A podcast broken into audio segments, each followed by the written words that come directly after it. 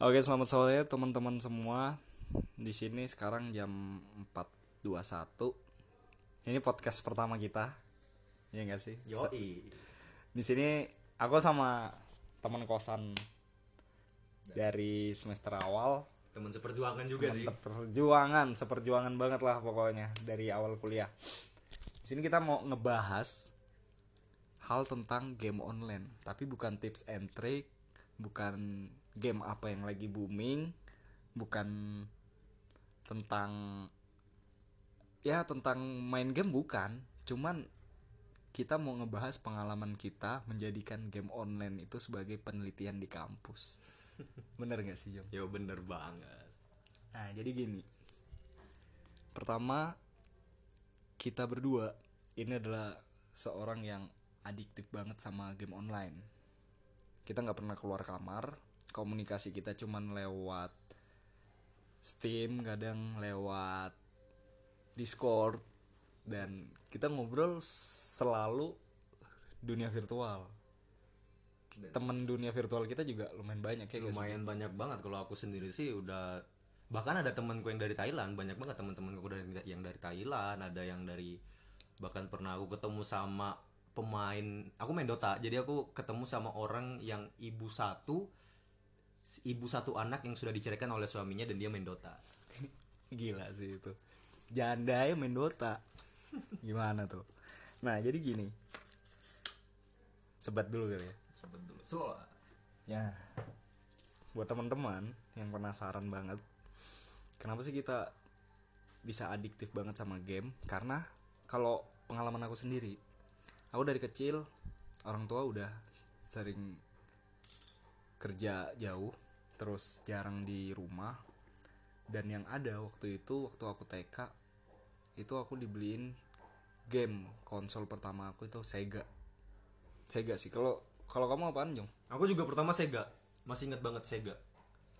Waktu itu mainnya yang paling keren tuh Michael Jackson. sama tuh gila nyelamat nyelamatin orang naik lift Pakai pakai style. iya jalannya moonwalk ya enggak sih How to save a life with style. kalau aku juga paling seneng game Sega itu Splinter sih Splinter Cell ya? Splinter Cell Wah, Tom Clancy berarti. Splinter Cell keren abis sih menurutku game Sega itu dan jangan lupain juga Sonic Sonic siap bener.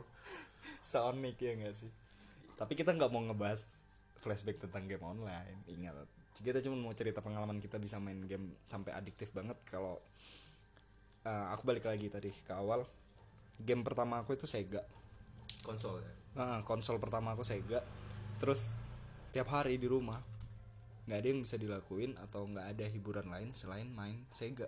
Akhirnya keterusan sampai SD SMP SMA dari PS1 PS2 Xbox dan akhirnya ke game online PC Ragnarok terus ya macam-macam lah. Kalau kalian pasti tahu lah yang cinta banget sama game online pasti tahu game-game yang dulu zaman dulu kayak Point Blank apa segala macam itu yang buat aku jadi adiktif banget main game.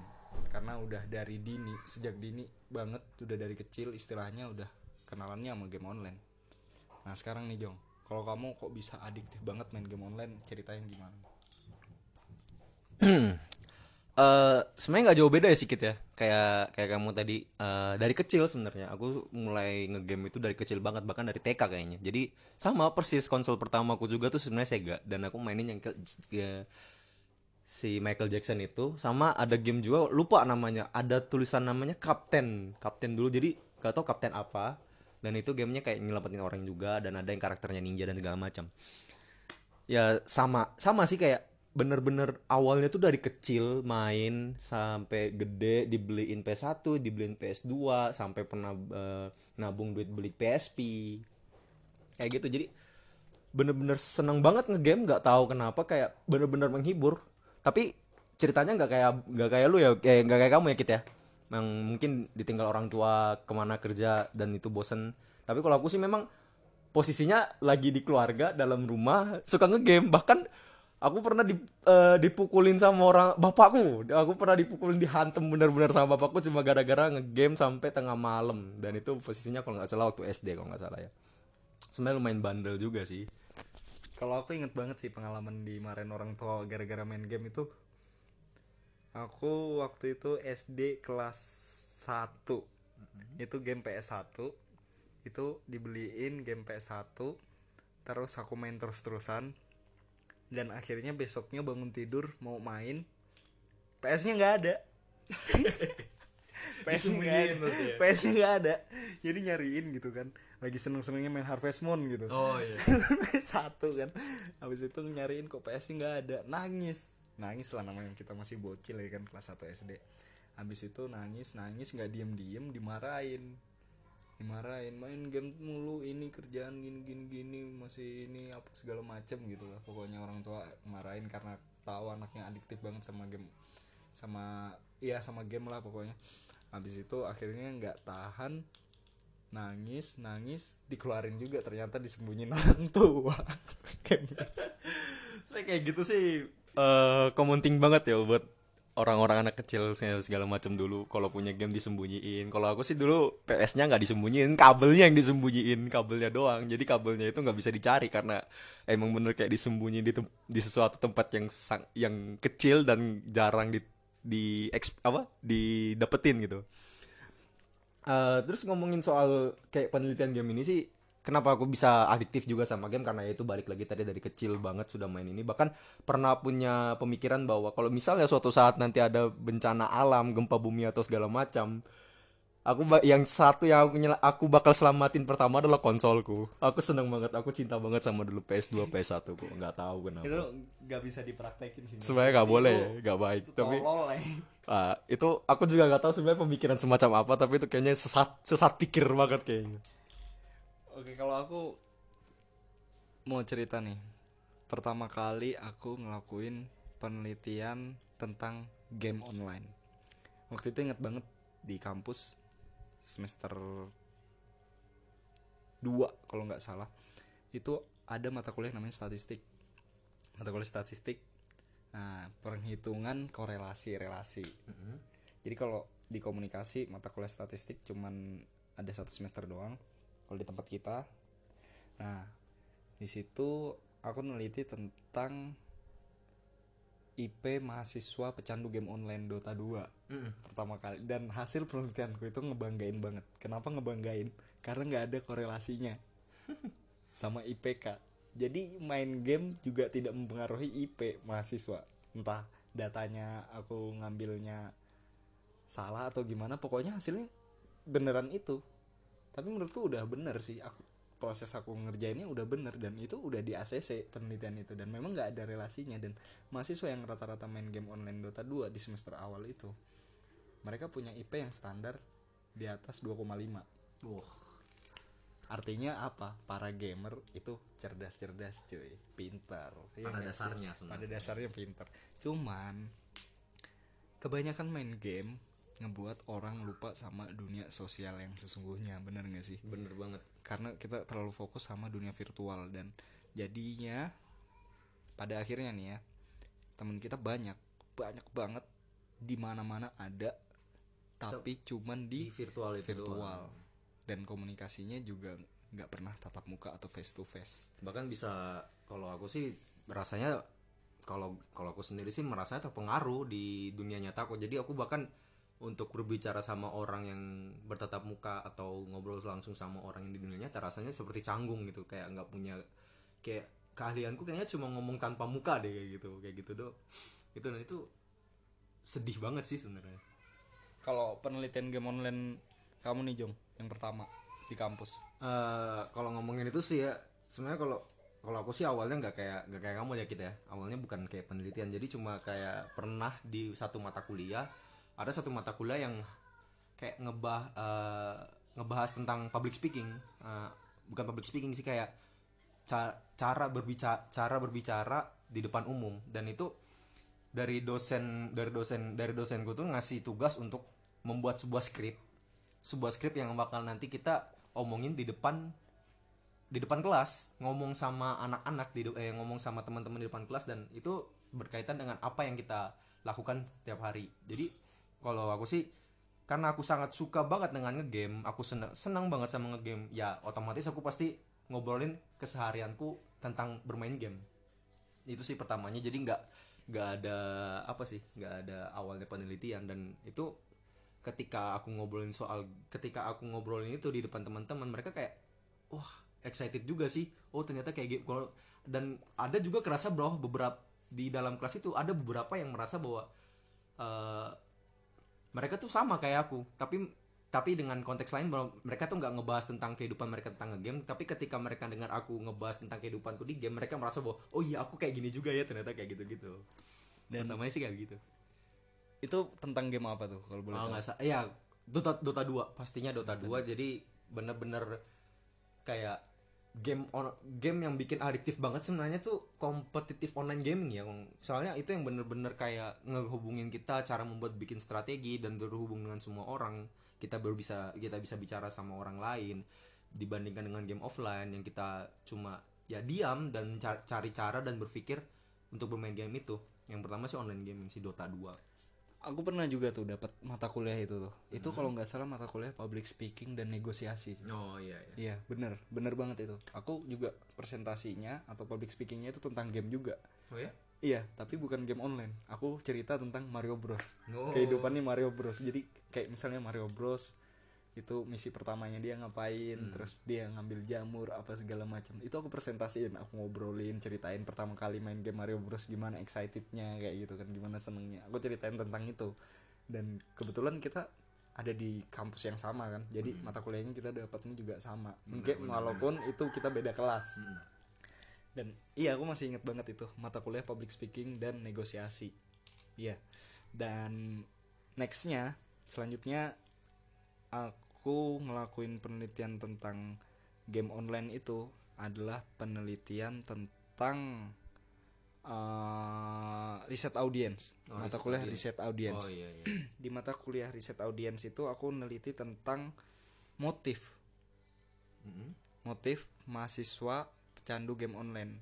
Motif mahasiswa dan itu nggak cuman motif doang sih. Kemarin itu kalau aku coba inget-inget kayaknya juga masa oh gaya hidup. Oh gaya hidupnya Nah, ya? gaya hidup Lebih gaya mahasiswa pecandu game online Dota 2 Lab- jadi lebih ke gaya hidupnya kayak mereka pakai brand apa terus cara mereka berkomunikasi. Ah, cara mereka berkomunikasi seperti apa terus cara mereka bangun tidur jam berapa Hmm. kapan mereka main gamenya terus itu kayak gaya hidup mereka keseharian itu seperti apa sih yang pecandu game online Dota 2 apakah tersetting karena dia main game online atau memang dia punya gaya hidupnya sendiri. Hmm. nah dari hasil penelitian yang aku lakuin itu memang setiap pemain game online itu punya gaya hidupnya masing-masing. Jadi kayak misalnya yang main game online Dota 2 itu rata-rata mainnya malam. Karena aku waktu itu nelitinya di warnet. Warnetnya itu lebih rame waktu malam.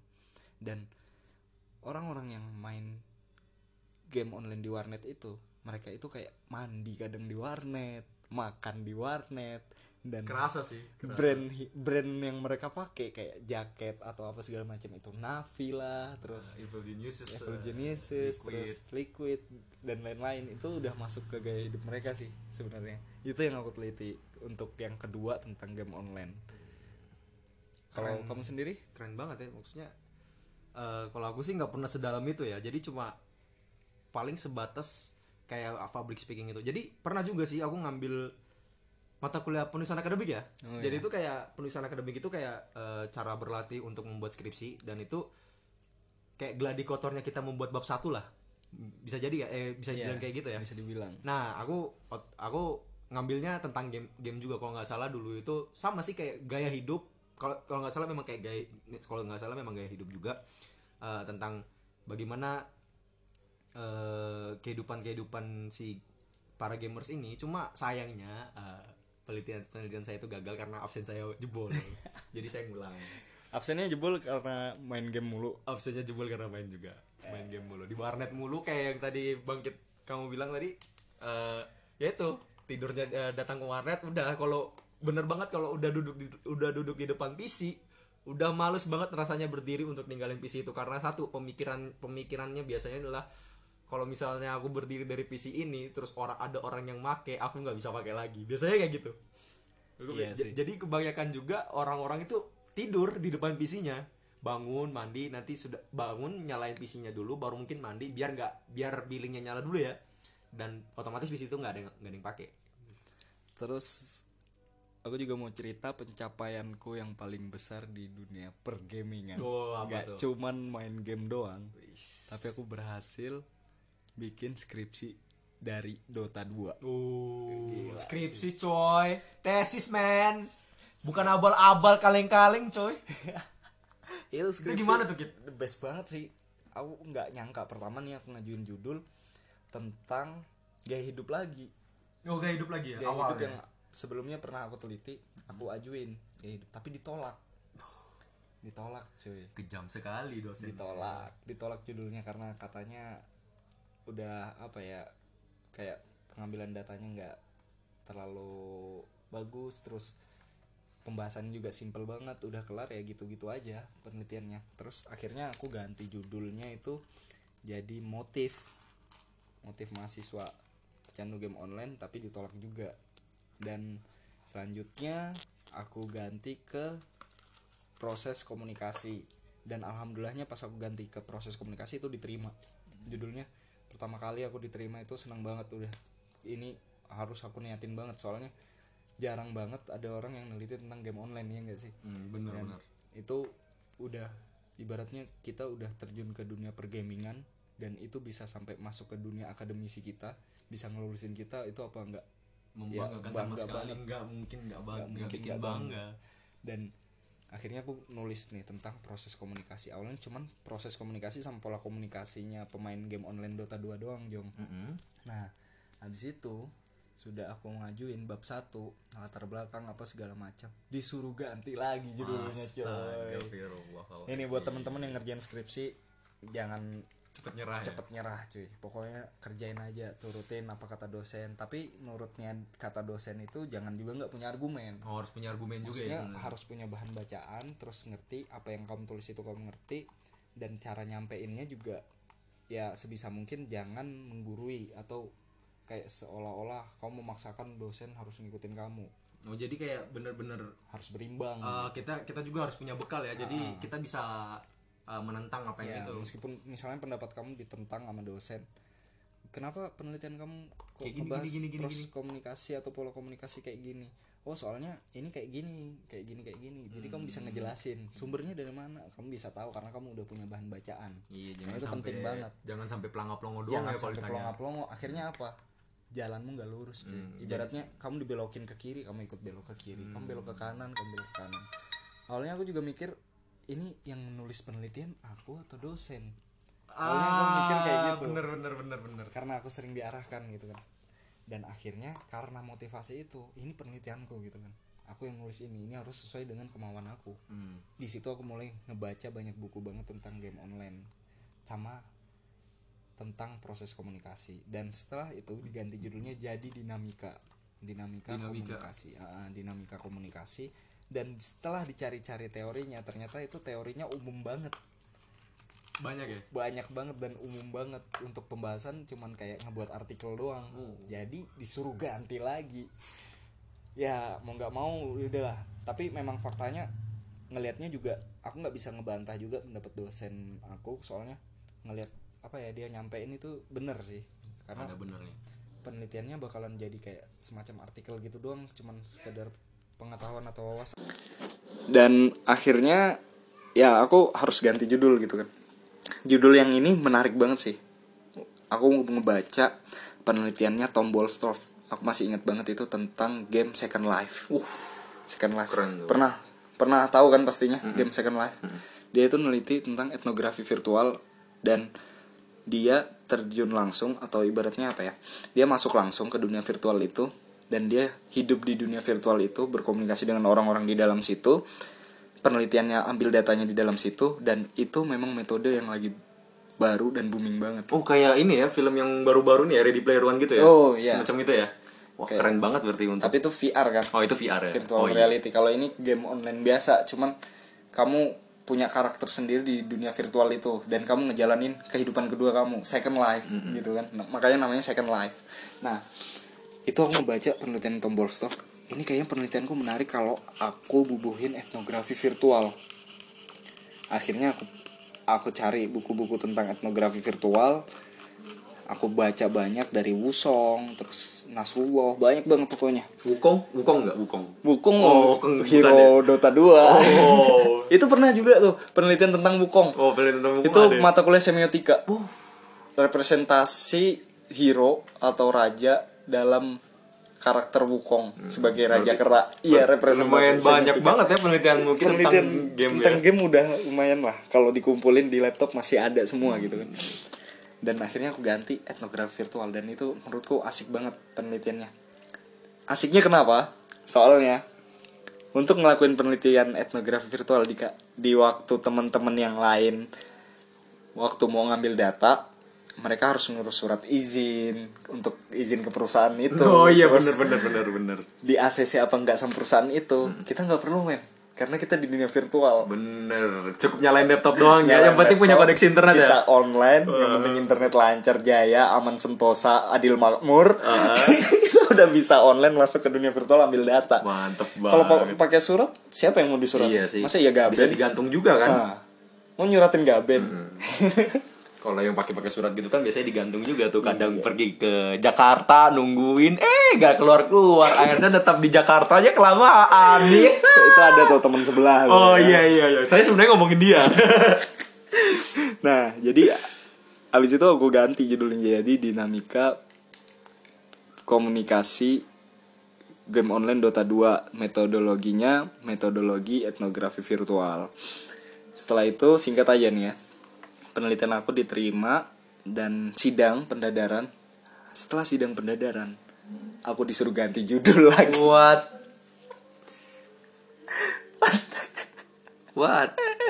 Gimana? Sudah sidang men What the masih sempet-sempetnya ganti judul Terus gimana tuh? Jadi gini, kata salah satu dosen penguji aku waktu itu dia ngomong penelitian kamu nih bagus. Pertama aku ditanya dulu, kamu ngerti nggak sebenarnya tentang etnografi itu apa? Oh ngerti pak, etnografi itu tentang eh, cara kita mengetahui budaya atau cara hidup masyarakat lain atau komunitas lain di dalam kehidupannya dan kita tuliskan dengan catatan-catatan etnografi. Nah, jadi kita benar-benar mencari tahu budaya, budaya yang ada di dalam situ. Dan salahnya aku, aku judul etnografi virtual, tapi aku nggak ada ngangkat budaya. Padahal di dalam data aku udah ngejelasin banyak hal banget tentang budaya yang ada di game online Dota 2. Contohnya kayak budaya MMR.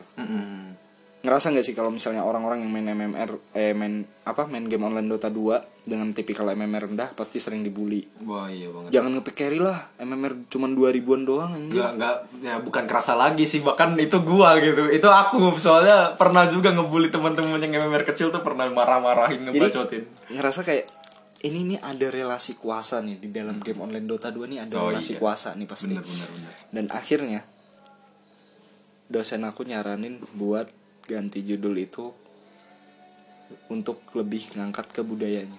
Oh, Dan dia sempat nanya-nanya tentang MMR. MMR itu apa, Mas? Jadi MMR itu tolak ukurnya setiap pemain kan. Setiap pemain profesional atau tidaknya dilihat dari ukuran MMR itu. Tapi sekarang udah ganti jadi medal. Ya, bentuk sekarang medal udah jadi medal. Kayak game game-game sama HP itu Iya kayak game-game HP sekarang Ya gitulah Setelah itu Ganti judul Terus dosen aku sempat nyeritain nih sesuatu. Kenapa Seseorang Yang Punya jabatan tinggi Bisa ngatur bawahan? Bukan emang Bukannya emang kayak gitu ya?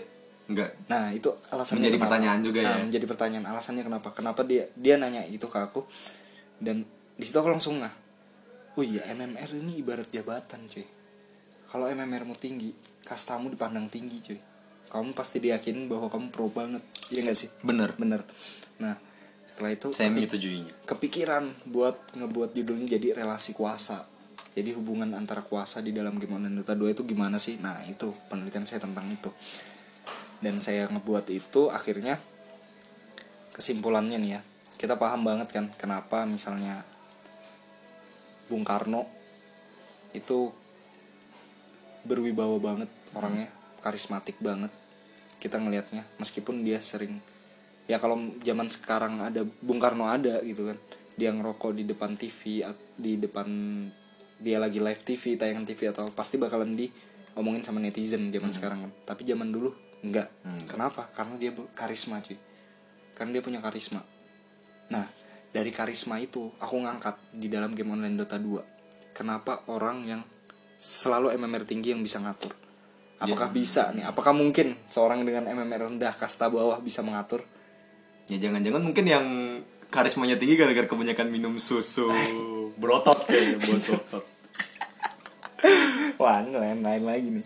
Nah, itu yang aku angkat kan. Habis itu ketemu ternyata nggak cuman MMR sebagai tolak ukur seseorang bisa menjadi komunikator dominan dalam game online Dota 2. Ya. Tapi ada tolak ukur lain kayak misalnya kamu MMR-mu rendah, Jong. Tapi kamu mainnya jago. Bisa. Karismamu bakal muncul di dalam situ. Kamu bakalan dilihat jago main, kamu bisa ngatur tim dan orang lain bakalan ngertiin kamu. Bakalan nurut sama kamu karena ngelihat wah ini meskipun MMR-nya rendah, jago juga nih. Meskipun di awal pick hero, kamu pasti bakalan dibully. MMR rendah gak usah lah ambil mid laner, jangan pick invoker kalau tangannya nggak jago. Dan itu sih sudah ada sebutannya ya. Eh, smurfing. Nah, orang-orang kayak gitu namanya smur- smurfing tuh biasanya. Nah, da- dari situ ternyata dari etnografi virtual itu aku nemuin budaya yang ada di dalam game Dota 2 tentang relasi kuasa itu. Dan saya bangganya sekarang ada teman saya yang ngelanjutin tentang penelitian game online di situ yaitu saudara Lejon. Ah, ah. Gimana ini, Mas? Sebenarnya kalau aku sih awalnya agak kesel juga ya sama Bangkit ya karena kenapa? Karena awalnya tuh yang sebenarnya jadi gamer duluan sebelum dia adalah saya. Saya lebih banyak main Dota, lebih banyak menghabiskan waktu di warnet sampai kuliah saya berantakan, tapi tidak menyesal karena apa? Karena sekarang saya skripsi saya sedang meneliti game online yang di mana saya dulu sudah sempat main di semester awal. Eh, jadi sebenarnya kalau untuk penelitian aku sih bukan Dota ya sedikit ya. Eh, leb- tapi game lain, game Counter Strike, Counter Strike Global Offensive. Kenapa? Karena aku ngerasa bahwa kamu sudah cukup banyak membahas tentang Dota gitu dan itu sudah sudah sudah bagus banget dan orang-orang bakal paham tentang itu dan kenapa aku ngebahas untuk eh, game FPS ini first person shooter atau Counter Strike ini karena memang banyak juga pemainnya banyak juga pemainnya dan eh, banyak penikmatnya. Dan kalau untuk aku sih untuk penelitian tentang CSGO ini aku ngambil motifnya. Motif kenapa mereka bermain itu kenapa mereka eh, kenapa mereka bermain game online game online CSGO ini apakah punya motif tersendiri kayak untuk hiburan semata hiburan atau sebuah pelarian atau apa kita nggak ada yang tahu. Makanya itulah kenapa aku angkat si CSGO ini sebagai motif sebagai motif apa motif mereka atau apa motif-motif orang-orang ini untuk bermain CSGO gitu sih. Sebenarnya agak bangga juga sih sebenarnya. Oh, dan sebenarnya banyak sih ya kita ya orang-orang awam bisa dibilang awam ya kayak kaget gitu lihat penelitiannya tentang game online. Eh, contoh aja sih kemarin kemarin banget kemarin banget aku baru nge insta story hasil fix eh skripsi skripsi aku tentang game online itu si CSGO itu dan banyak yang ngerespon banyak yang banyak nge DM bahwa wih anjir gila banget judulnya wah keren wah Iya. wah asli asli as, kok bisa gitu ga CSGO ih dan kayak bangga juga sih kayak seneng banget kayak Ada yang wah, mengapresiasi ada yang yang mengapresiasi buat gitu. orang banyak bukan banyak yang di di sela-sela banyak orang yang kebingungan buat nyari judul tentang mungkin eh, kebudayaan atau marketing atau segala macam kita yang seperti ini yang Kita sudah lah sudah ada di sel darahnya tentang kita gaming kita cuma ngangkat tentang itu dan orang-orang ternyata seneng gitu. "Wih, anjir tentang game online kayak gitu gitu. Gitu banyak banyak banget yang kemarin nge DM banyak banget gitu. Dan kita juga mau mengubah distraksi. Kalau misalnya main game online mulu itu nggak bisa ngebuat orang lulus kuliah atau ngerusak hidup orang, ngebuang-buang waktu. melulu bawa game online itu negatif ya Hmm, nggak melulu negatif. Kalian bisa jadiin sesuatu hal yang negatif itu dengan cara beneran pengen tahu sama tentang apa yang kalian lakuin itu. Kayak kayak aku main game online terus tiap hari. Akhirnya aku pengen tahu. Aku pengen ngangkat game online yang aku sering mainin itu jadi penelitian aku karena rasa ingin tahu itu. Kalau misalnya kalian cuman main doang, terus kalian nggak nyari tahu yang ya kebetulan sih alhamdulillahnya kita juga kuliahnya jurusan sosial kan. Jadi masih berkaitan banget bisa ngebahas banget tentang komunitas virtual tentang komunikasi visual yang banyak banget semiotika dalam game online apalah segala macam dan itu keberuntungan kita di situ. Nah dari hasil itu kita berdua sebenarnya intinya dari sini pengen ngasih tahu ke teman-teman semua bahwa emang bener setiap orang yang main game online itu di kehidupan nyatanya dia jarang untuk berbaur. Benar mungkin dia berbaur hanya dengan orang-orang yang sesuai dengan dia aja. Atau kayak misalnya teman warnetnya atau teman main gamenya yang di kampus gitu kan. Nah tapi dibalik keseriusan dia itu tentu setiap orang menyimpan sesuatu cuy. Kayak kita kita menyimpan sesuatu yang sebenarnya bakalan kita realisasiin kayak sekarang ini. Jadi sebenarnya nggak melulu semuanya itu adalah hal yang negatif ya. Jadi jangan ngejas men dulu deh pokoknya tentang para gamer yang oh ini main game mulu buang-buang waktu. Memang banyak sih juga yang kuliahnya nggak kelar atau rusak acak-acakan karena main game. Ya mungkin karena dia terlalu terjun ke dunia game itu dan dan merasa bahwa hidupnya mereka di situ doang. hidupnya mereka di situ doang padahal masih bisa ngelihat yang lain gitu kan. Dan pesan untuk teman-teman yang hobi main game juga main game aja cuy pokoknya sepuasnya kalian. Ntar juga bosan sendiri. Mm-mm, pasti bakal bosen. Ada saatnya. Ada saatnya tapi kalian. bukan ada bukan dalam artian kalian bakal berhenti main. Berhenti total, bukan. enggak. Tapi kalian bak- pasti bakal main suatu saat lagi. Maksudnya bosan adalah kalian akan berhenti pada saatnya. Yang di- di mana kalian bener-bener kayak jenuh kenapa eh, main gini-gini doang gini, kalian bakal nanti pun kalian bakal nanti pasti keluar dari zona itu juga sih. Ya benar banget. Kayak aku dulu juga main game terus terus terus terus terus akhirnya sampai aku fokus ke penelitianku yang tentang game itu kok seru banget ngebahas tentang game online. Sampai aku ngebuka uh, blog tulisan tentang game-game online gitu meskipun tulisannya nggak terlalu banyak masih ngebangun lah dikit-dikit gitu itu karena ingin tahunya sih karena mencari tahu apa yang kita sukain dan akhirnya meninggalkan kegiatan yang malah Main game itu. iya mal- malah main gamenya itu yang ditinggalin ya Oke, untuk sore ini podcast kita yang pertama ngebahas tentang game online cukup sampai di sini dulu. Mungkin nanti kita akan ngebahas tentang hal-hal lain. Tetap di Pondok podcast random Podcast random. Oke, selamat sore. Assalamualaikum.